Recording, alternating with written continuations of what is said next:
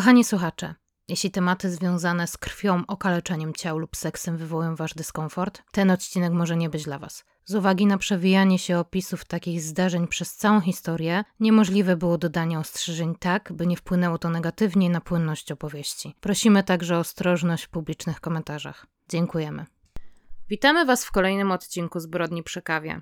Dzisiaj opowiem Wam o pierwszym w naszym podcaście kulcie religijnym. Nie mieliśmy jeszcze tutaj do czynienia z żadną sektą, a ta jest, przyznam szczerze, troszeczkę nietypowa. Nie będziemy na pewno mówić tutaj o tych wielkich sektach. Ale właśnie tak z ciekawości, bo takie sekty to najczęściej kojarzą się mimo wszystko ze Stanami Zjednoczonymi, a gdzie nas dzisiaj przyniesiesz, do jakiego kraju? A dzisiaj przeniesiemy się do Meksyku, a dokładnie do malutkiej miejscowości, która nazywa się Yerba Buena. W tamtym czasie, w którym działy się te zdarzenia, czyli w 1962 lub na początku 1963 roku, w tamtej miejscowości mieszkało jedynie 50 mieszkańców, czyli jakieś 20 rodzin. Nie było tam szkół, nie było tam policji, nie było nawet żadnego kościoła. Osoby, które tam mieszkały, też były dość niecodzienne, dlatego że to nie były osoby, które się tam urodziły,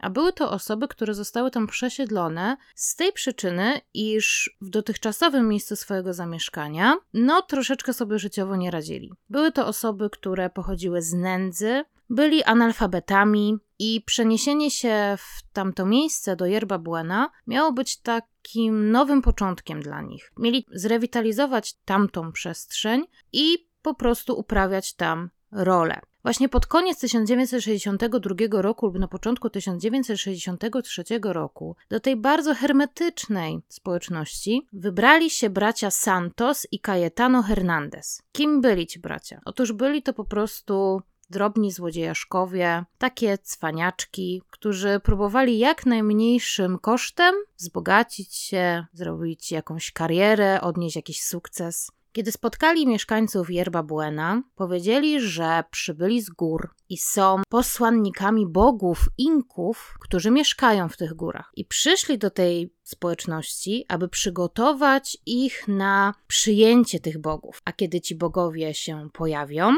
to mieszkańcy dostaną wielkie bogactwa, wielkie zasługi. Czego jeszcze nie powiedziałam o Yerba Buena, tuż w okolicy tej miejscowości były góry, w których było bardzo dużo jaskiń. I tak naprawdę tradycyjnie wierzono, że właśnie w tych górach, w tych jaskiniach pochowane są skarby dawnych bogów, starożytnych cywilizacji, które tam mieszkały. Dlatego troszeczkę to, co mówili bracia Hernandez, odwoływało się do tego, co tak tradycyjnie jest w wierzeniach tamtejszej ludności. Czego nie dopracowali bracia, to to, że bogowie Inków, no bynajmniej nie będą w Meksyku, ponieważ Inkowie byli w Peru. W Meksyku byli Aztekowie. Ale to był drobny taki, drobniutki błąd, którego przy całym ogromie wiedzy, którą dostarczyli mieszkańcom, nie dostrzeżono. Dlaczego tak uwierzono od razu braciom? Po pierwsze, tak jak wspomniałam, wierzono w to, że w tych jaskiniach faktycznie może śpią ci starożytni bogowie, na pewno kryją się ich bogactwa. A po drugie, bracia znali różne magiczne sztuczki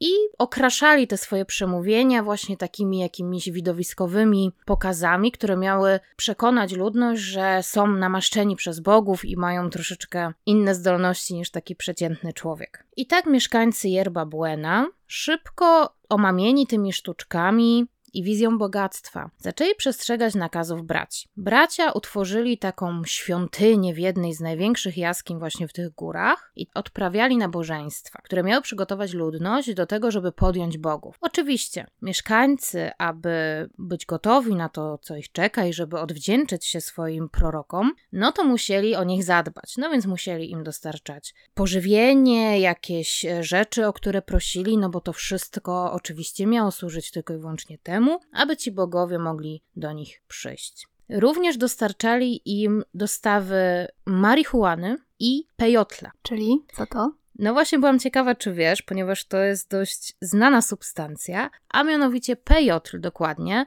to jest kaktus. Znany też jako jazgrza Williamsa albo jeżowiec Williamsa. On jest źródłem alkoidów z rodziny fenetylamin, a głównie meskaliny, czyli substancji halucynogennej. Na przykład pod wpływem tej rośliny w latach 30. XX wieku Witkacy stworzył wiele swoich portretów. I w ogóle to była jedna z substancji, które zażywał podczas tworzenia swojej sztuki. Substancja ta była popularna w latach 70., ponieważ, no tak jak wiemy, lata 70., prawda, to był taki czas, kiedy się eksperymentowało z różnymi substancjami, które mogły wywołać jakieś inne stany umysłu. Roślina ta rośnie na pustynnych częściach Nowego Meksyku i w Teksasie, czyli w tamtym miejscu, gdzie znajdowała się yerba buena, jak najbardziej była to lokalna substancja bardzo dobrze znana.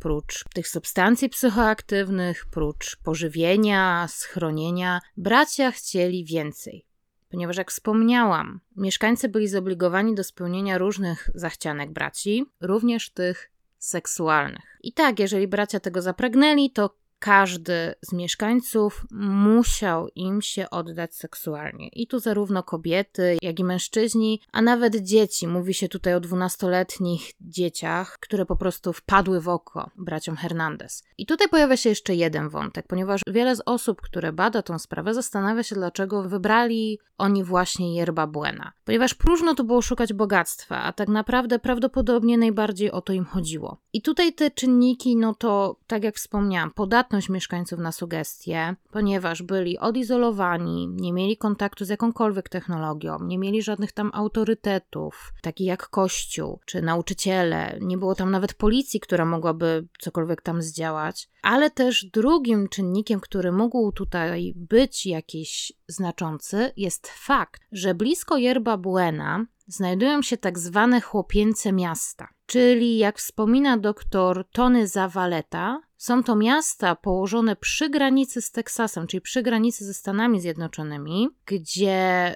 tworzone były takie dzielnice czerwonych latarni, gdzie młodzież, zwłaszcza bogaci chłopcy, często uczniowie prywatnych szkół, na przykład w przypadku pana Zawoleta była to katolicka szkoła z internatem, właśnie te wolne wieczory taka młodzież spędzała w taki sposób, że wybierali się na wycieczki do tych chłopięcych miast. No i tam oglądali jakieś zakazane filmy, spożywali alkohol, no albo spędzali upojne chwile w ramionach pracowników seksualnych. I tutaj dokładnie mówimy o chwilach, ponieważ rozliczanie było 15-minutowe.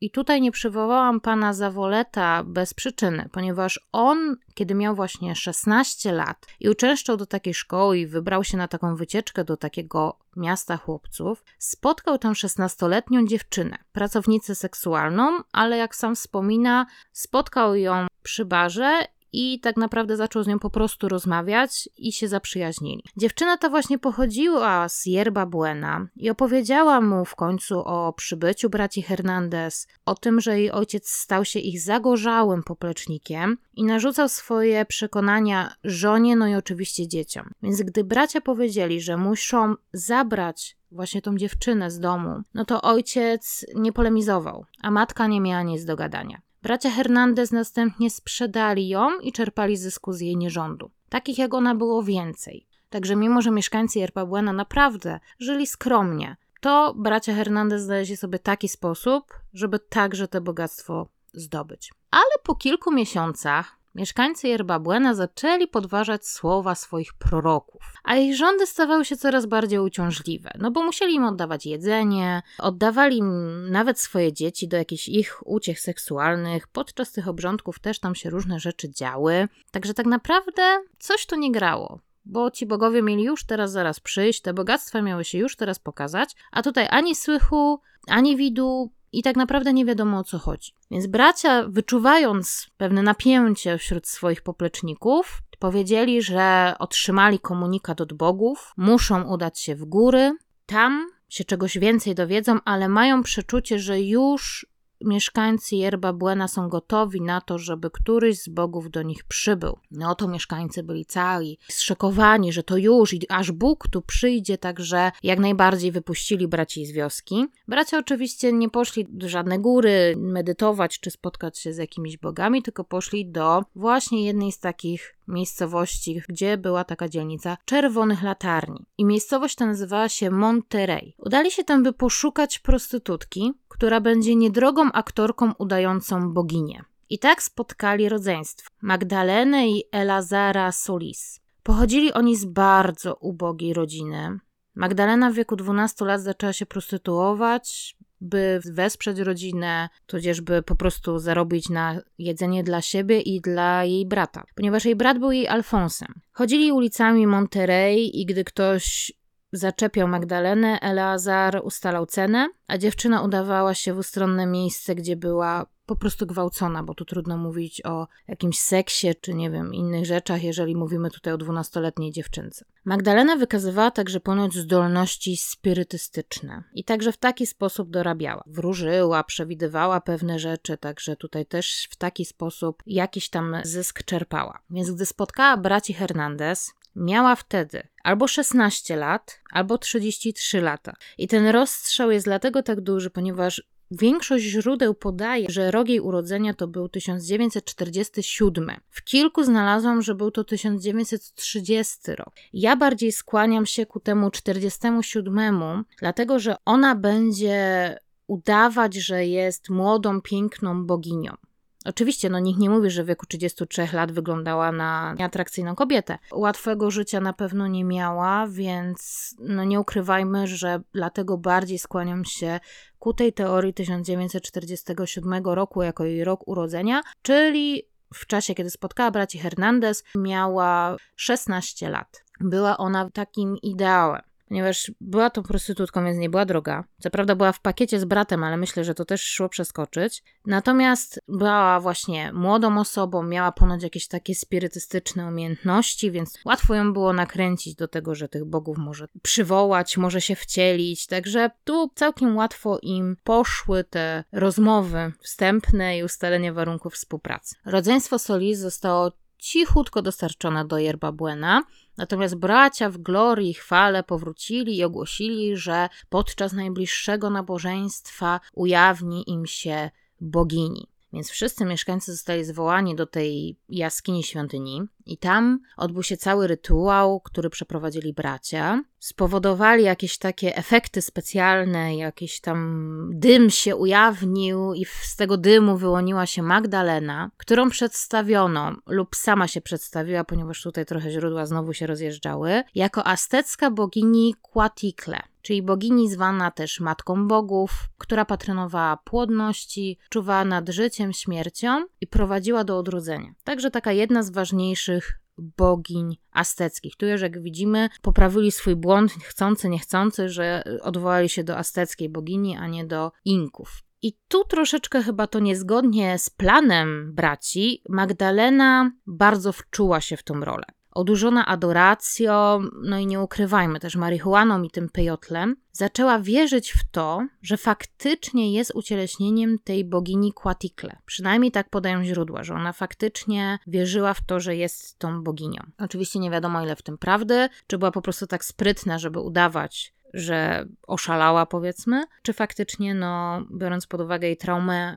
jaką przeżyła od najmłodszych lat tak naprawdę, bo wiemy, że pochodziła z rodziny bardzo zakłopotanej życiowo, gdzie było dużo przemocy, w wieku 12 lat musiała się prostytuować, także umówmy się, że możliwe, że to wszystko spowodowało, że chętnie uciekła w tą rolę tej bogini, która była adorowana i uwielbiana przez tych wszystkich ludzi, których spotkała. Faktem jest, że Magdalena szybko stała się przywódczynią religijną wszystkich tych wiernych, zaczęła prowadzić nabożeństwa nabożeństwa. W trakcie nich nakazywała czynności seksualne, które obejmowały akty sadomasochistyczne, kazirodcze, nawet tutaj mowa jest o zoofilii. I tak naprawdę odbywały się wielogodzinne orgie, gdzie brali udział po prostu wszyscy. Poza tym pojawiły się wkrótce ofiary ze zwierząt, których krew była wypijana. Mnie od początku tej historii dziwi, jak bardzo zawładnęli nimi ci bracia, jak bardzo potrafili zmanipulować, że całe rodziny uwierzyły w tą całą magię, w tą całą historię o bogach, jak bardzo dały się na to wszystko tak naprawdę nabrać, mimo że to nie były jakieś takie czasy, gdzie przeciętny człowiek by wierzył w takie zabobony. No był dostęp do książek, był dostęp do pewnie telewizji,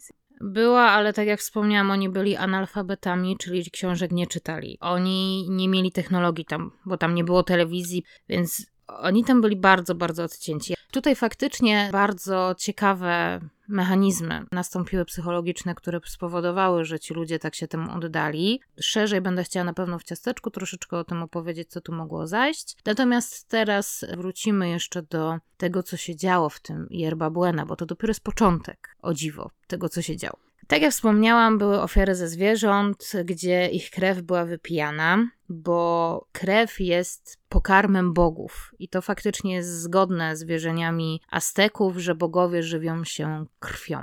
Ale jak możemy się łatwo domyśleć, jej okrucieństwo zaczęło tylko przybierać na sile. I tak, kiedy dwóch mężczyzn postanowiło wyrazić to, co wielu nieśmiało myślało, czyli że coś jest tutaj nie tak, że te wszystkie rytuały nabierają troszeczkę nie takiego toru, że nadal nie widzą żadnych bogactw, nadal im się lepiej nie wiedzie, szczęście im jakoś tam nie sprzyja, no to powiedziała im, że dobrze, to w takim razie odejdą. No ale bynajmniej nie tak, że wyszli po prostu i poszli sobie, tylko nakazała innym uczestnikom tych obrządków zlinczować tą dwójkę niewiernych, ponieważ muszą poczuć siłę gniewu swojej bogini za to, że podważali jej wolę, podważali jej sposób działania. Jeżeli ktoś tego nie zrobi, to bogini ściągnie na całą wioskę zgubę, a już na pewno na osoby, które jej się jeszcze bardziej przeciwstawią. No jak nie trudno się domyśleć, stało się zgodnie z wolą bogini, Czyli po prostu pozostali uczestnicy tych obrządków zlinczowali tą dwójkę mężczyzn. A kiedy Magdalena w trakcie nakazała, aby ich ciała zostały rozczłonkowane, no to też tak się stało. Ich wyciekającą krew kazała zebrać do czarek, gdzie została zmieszana z tą krwią zwierząt, która była już podczas tych obrządków zbierana. No i Magdalena wypiła pierwsza, potem jej najwyżsi kapłani, a następnie dała tą czarkę w obieg, tak aby każdy z uczestników mógł się tej krwi napić. Była też mowa o tym, że krew ludzka pozwala bogini zachować młodość i piękno, także dlatego musiała krew ludzką również pić. W ciągu kolejnych sześciu tygodni osiem osób zostało poświęconych jako ofiary dla bogini. Rytuały wyglądały w taki sposób, że ofiary były torturowane, bite, okaleczane,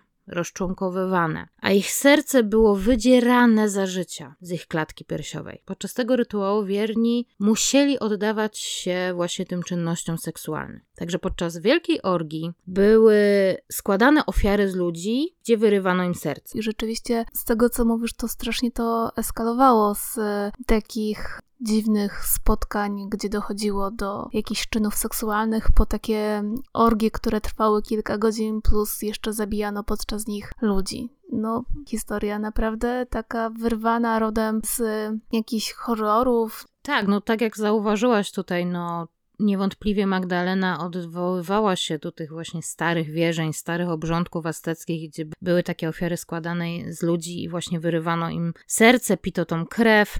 Tu także, no bo ta krew stanowiła istotny aspekt i wypijanie tej krwi. No nie możemy tutaj polemizować, że jakieś naprawdę mroczne wizje Magdaleny zaczynały się urzeczywistniać za jej namową, po prostu ci ludzie byli do tego zmuszani. Tu tak jak wspomniałam, zadziała psychologia tłumu. No też nie zapominajmy, że oni tam palili marihuanę w zamkniętej jaskini, tak? Pewnie byli też odurzeni tym pejotlem, który był halucynogenny, więc wierzyli w to wszystko, więc nawet jeżeli niekoniecznie może chcieli w tym dalej uczestniczyć, to bali się przeciwstawić, bo bali się, że po prostu ich spotka to, co tych dwóch mężczyzn, czy właśnie te ofiary, bo zapewne te ofiary były właśnie takimi ludźmi, którzy no może nie dość entuzjastycznie oddawali się tym wszystkim rytuałom. Nie no, podejrzewam, że tak, że tutaj na pewno działał też strach, że te wszystkie groźby stały się takie bardzo realne i to wszystko działo się na ich oczach, to na pewno pobudzało już i tak pobudzoną bardzo tymi narkotykami wyobraźnię, więc rzeczywiście tutaj strach pewnie grał jedną z głównych ról w tej historii. Dokładnie. Magdalena zdobyła taki przydomek, później jak opowiada się o tej sprawie, jako najwyższa kapłanka krwi. No, brzmi trochę romantycznie, ale biorąc pod uwagę, że wiemy, co się za tym kryje, to strasznie. Tak, tu miała jakąś zdecydowanie fascynację. W maju 1963 roku 14-letni Sebastian Guerrero przechodził koło tych jaskiń i usłyszał właśnie takie dziwne dźwięki. I to go zainteresowało, co tam się w środku dzieje. Więc zakradł się bardzo cichutko do środka, gdzieś tam się ukrył, że nie było go widać. Od razu wyczuł specyficzną woń w powietrzu. Na pewno był silny zapach tej marihuany, o której tu cały czas mówię. Też słabo oświetlone, bo tam oświetlały to jakieś takie pochodnie, także to wszystko takie dosłownie tak jak zauważyłaś wcześniej, jak scena z horroru. Zdecydowanie przerażające, ale dopiero kiedy jego wzrok przyzwyczaił się do tego półmroku i dojrzał, co dzieje się w środku, czyli tych ludzi oddających się tej orgii, ołtarz, jakiś tam kamień, na którym były składane te ofiary, właśnie, tą najwyższą kapłankę, czyli jakąś tam kobietę stojącą przed nimi, trzymającą serce ludzkie w dłoni i ludzi pijących jakąś ciemną ciecz z jakichś tam czarek, no to wtedy zrozumiał, że tu dzieje się po prostu coś strasznego. Cicho się wymknął i biegł przeszło 24 kilometry do najbliższego komisariatu policji Via Gran i opowiedział, co zobaczył. Nazwał tych ludzi wampirami, że tam po prostu zebrały się jakieś wampiry. No jak nie trudno się domyśleć, jak y, przybiegł chłopak młody i powiedział, że w jaskini są wampiry, no to policjanci, ha, ha, ha, na pewno wampiry, chłopak chce nas nabrać. No ale jeden z nich, no stwierdził, że chyba coś jest na rzeczy, no bo chłopak faktycznie wygląda na przerażonego, na zmęczonego, więc faktycznie musiał pokonać długi odcinek drogi, zwłaszcza jak powiedział, że jest z Yerba Buena, te 24 kilometry, no to jest niesamowite, że ten chłopak przebiegł ten dystans, przeszedł, przebiegł, no już abstrahując, jest to bardzo długi dystans. No i ten pan policjant Luis Martinez powiedział, że następnego dnia wybierze się z tym Sebastianem do tego Yerba Buena i pokaże mu tą jaskinię, gdzie to wszystko zobaczył. No i tak też się stało. Rano wyruszyli w dwójkę do Yerba Buena. Sebastian zgodził się pokazać panu Martinezowi tą jaskinię, wszedł z nim do tej jaskini. No i kiedy po panu Martinezie i Sebastianie Such zaginął, ci policjanci, którzy byli świadkami tego zgłoszenia, no poczuli, że coś jest jednak nie tak, więc zawiadomili swoich zwierzchników. I 31 maja 1963 roku policjanci w asyście żołnierzy przybyli do Yerba Buena. Wierni częściowo ubiegli w góry schować się w jaskiniach. Prawdopodobnie ci, którzy bardziej byli przymuszani do tego, żeby brać w tym wszystkim udział, ale byli świadomi tego, że no nie działo się tam dobrze, ludzie ginęli, więc będą pewnie jakieś konsekwencje. Ale część zebrało się w tej jaskini świątyni i wdali się w strzelaninę ze służbami porządkowymi. Wiele straciło życie, 13 osób zostało aresztowanych.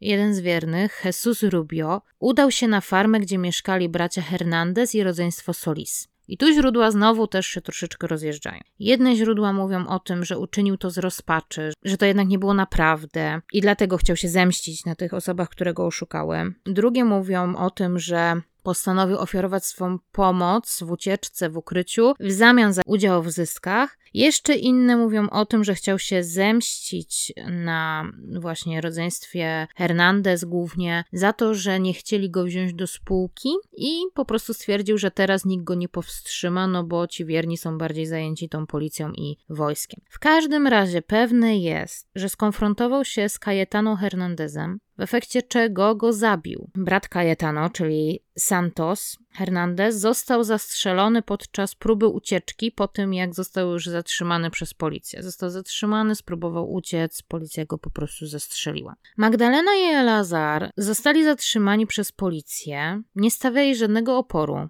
Byli silnie odurzeni właśnie marihuaną i tym peyotlem. Możliwe też, że jakimiś innymi narkotykami, może też alkoholem. W każdym razie po prostu siedzieli na tej farmie, jak oni weszli, absolutnie po prostu poddali się temu, co się działo. Po spacyfikowaniu wszystkich członków sekty rozpoczęły się przeszukiwania farmy i jaskini świątyni. I to, co tam odnaleziono, na długo prześladowało wszystkich policjantów i wojskowych w koszmarach. Na terenie farmy znaleziono ciała pana Martineza i Sebastiana. Policjant miał niemal całkowicie odciętą głowę. Obydwoje zaś mieli usunięte serca, czyli prawdopodobnie też byli po prostu ofiarami podczas tych rytuałów, kiedy zauważono, że weszli do tej jaskini z zewnątrz. Zwłaszcza jeżeli pan Martinez był jeszcze ubrany w, może w mundur policyjny, no to już w ogóle. W jaskini świątyni znaleziono także części ciał sześciu osób. Wiele z tych szczątków było tylko w częściach, więc trudno też było powiedzieć, czy to na pewno jest sześć osób, czy więcej. Ale patologowie, którzy później się tym zajęli, no stwierdzili, że to są szczątki sześciu osób. I z tego też powodu uznaje się, że było osiem ofiar kultu ale podejrzewa się, że mogło ich być nawet jeszcze drugie tyle, biorąc pod uwagę późniejsze zeznania osób, które brały w tym udział i jaką częstotliwość składania ofiar podawali. Rodzeństwo Solis zostało skazane na 50 lat każde za zabójstwo pana Martinez i Sebastiana. Reszty zabójstw im teoretycznie nie można było udowodnić. Te pozostałe ofiary zostały przypisane członkom sekty. Jako, że według zeznań, no to jednak członkowie sekty dokonywali tych mordów, a nie rodzeństwo Solis. Te 13 osób, które zostało zatrzymane i które zostało skazanych, później każdy z nich na 30 lat więzienia, na samym początku absolutnie nie składało żadnych zeznań przeciwko rodzeństwu Solis, czy rodzeństwo Hernandez i cały czas utrzymywało, że to jest ich bogini, że to jest wcielenie bogini Quatikle i oni pozostają wierni swojej najwyższej kapłance. I tak zakończył się ten około półroczny okres w historii Yerba Buena. Bo to wszystko od przybycia braci Hernandez do tych wydarzeń z 31 maja 1963 roku trwało około pół roku. Także tak naprawdę bardzo, bardzo krótko. Do miasta zostali wprowadzeni nowi mieszkańcy, a ci, którzy pozostali z tych pierwotnych, nazwijmy to, mieszkańców, zawarli takie niepisane przymierze milczenia. O tym po prostu się nie rozmawiało. Jak ktoś z zewnątrz o tym chciał porozmawiać, przybywał do tego miasta, miejscowi, że oni nie wiedzieli, oni w tym nie brali udziału. No, nawet jeżeli nie brali udziału, zakładam, że mogli nie brać, no to nie wierzę w to, że nie wiedzieli, co się działo. Dopiero wiele lat później, tak naprawdę, trochę zaczęto o tym opowiadać. O tym, co przeżyli ci tak naprawdę biedni ludzie, zmanipulowani ludzie, którzy ponieśli no, jedne z najwyższych cen, jakie można było ponieść, ponieważ stali się mordercami. Zostali skazani na 30 lat. Wielu z nich pewnie nie wyszło z tego więzienia, ponieważ tam zmarli w tych więzieniach. Też, jeżeli w końcu się jakby ocknęli, to zdali sobie sprawę z tego, co zrobili chociażby te oddawanie swoich dzieci właśnie jako pracowników seksualnych do jakichś tam wiosek. To, to wszystko na pewno stanowiło no niesamowity ciężar dla każdego z nich. Myślę, że większość z nich, jak już było oddalonych od tej yerba buena, działań tych narkotyków i tych sił sugestii rodzeństwa Solis i braci Hernandez, no to tak naprawdę zaczynało sobie zdawać sprawę z tego, co się tak naprawdę wydarzyło. No może część tam pozostała nadal wierna swojej bogini. Nie wiadomo do końca, co się stało z rodzeństwem Solis. Wiele wskazuje na to, że Eleazar zmarł w więzieniu. Niektóre źródła sugerują, że taki sam los spotkał Magdalenę. Inne podają, że wyszła z więzienia po odsiedzeniu kary w 2013 roku. Jeśli dziś żyje, ma w zależności od źródeł, na które się powołamy, od 74 do 91 lat. Także teoretycznie, jeżeli faktycznie mm, urodziła się w tym 47 roku, no to ma 74 lata, czyli jak najbardziej z tego więzienia mogła wyjść i jeszcze jako tako życie sobie powiedzmy, no może nie do końca ułożyć, ale jako tako funkcjonować. Także na tym kończymy naszą historię o kulcie religijnym z Yerba Buena. Myślę, że wielu z Was długo nie zapomni tej historii, mimo że nie jest taka amerykańska sekta, wiecie, Doomsday i te sprawy. To niewątpliwie, no, jest niezwykła, tak jak wspomniałaś, to są lata 60., to nie jest, nie wiem, XVIII wiek, to są lata 60., czyli tak naprawdę większość z naszych rodziców już żyło, funkcjonowało, była telewizja, było to wszystko, a jednak w takiej hermetycznie odizolowanej społeczności, która właśnie składała się z osób biednych, którym życiu się nie ułożyło, niewyedukowanych, byli analfabetami, czyli no nie czytali prasy, książek oni wszyscy byli ponoć osobami wierzącymi, raczej katolikami, jak to większość osób aktualnie w Meksyku. Przerażające i takie ciężkie do ogarnięcia. To nie wydaje mi się kompletnie takie realne, a jest, jest to bardzo realne, bardzo namacalne. No tak, bardzo wiele osób, które o tej sprawie w ogóle się dowiaduje, próbuje badać tą sprawę, co tak do końca tam się wydarzyło, ponieważ my do dzisiaj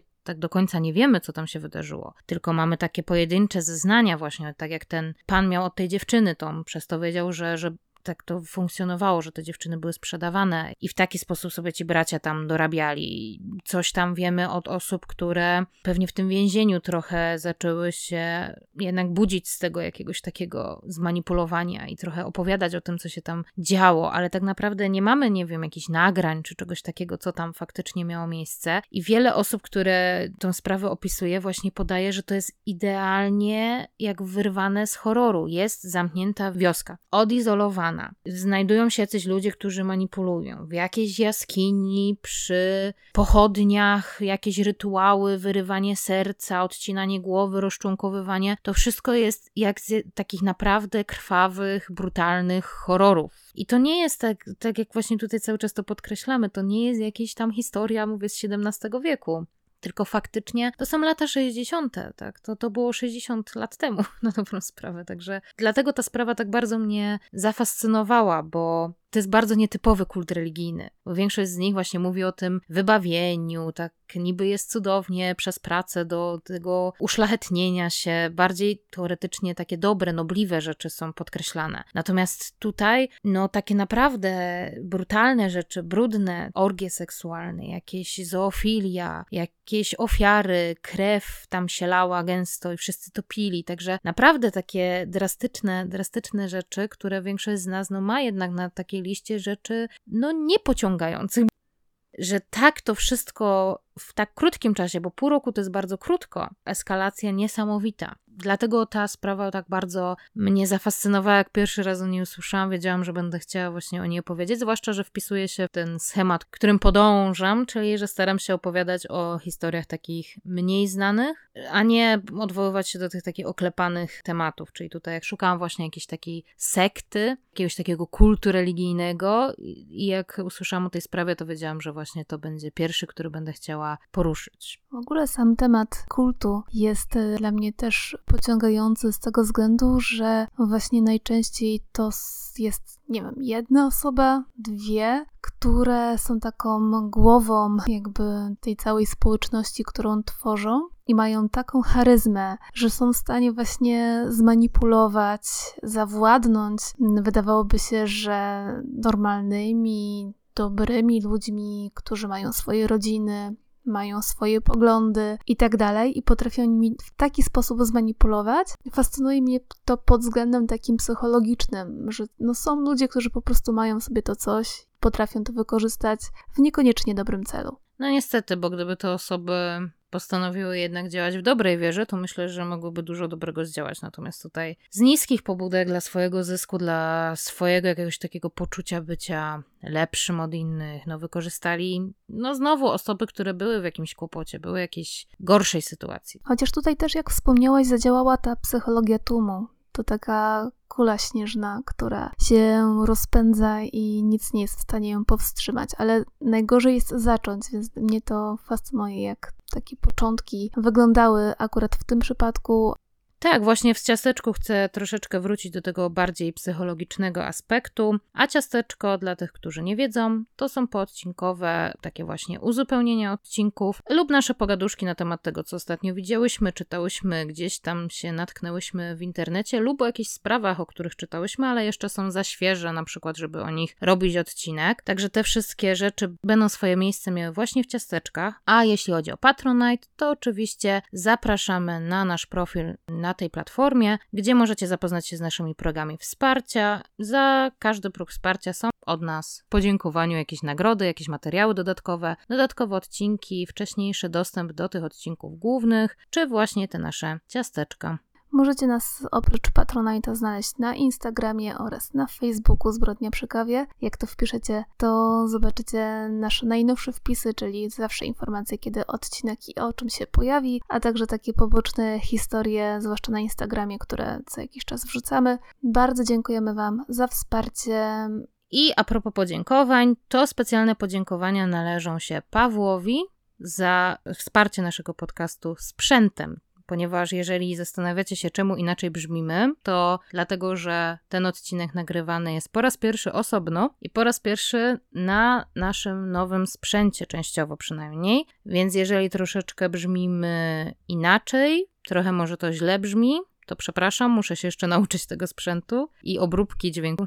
Docelowo na pewno będziemy brzmieć lepiej, ponieważ sprzęt jest po prostu lepszy niż do tej pory. Natomiast faktycznie na razie się go uczymy, więc mogą jakieś tam jeszcze niuanse się pojawić, więc jeżeli się pojawią, to bardzo przepraszam, to moja wina, ale jak wspomniałam, wielkie dzięki dla Pawła za niesłabnące wsparcie naszego podcastu. Naprawdę bardzo, bardzo dziękujemy, bo to bardzo dużo dla nas znaczy, że możemy tak szybko się dzięki temu rozwinąć. A tymczasem do usłyszenia za tydzień. Do usłyszenia.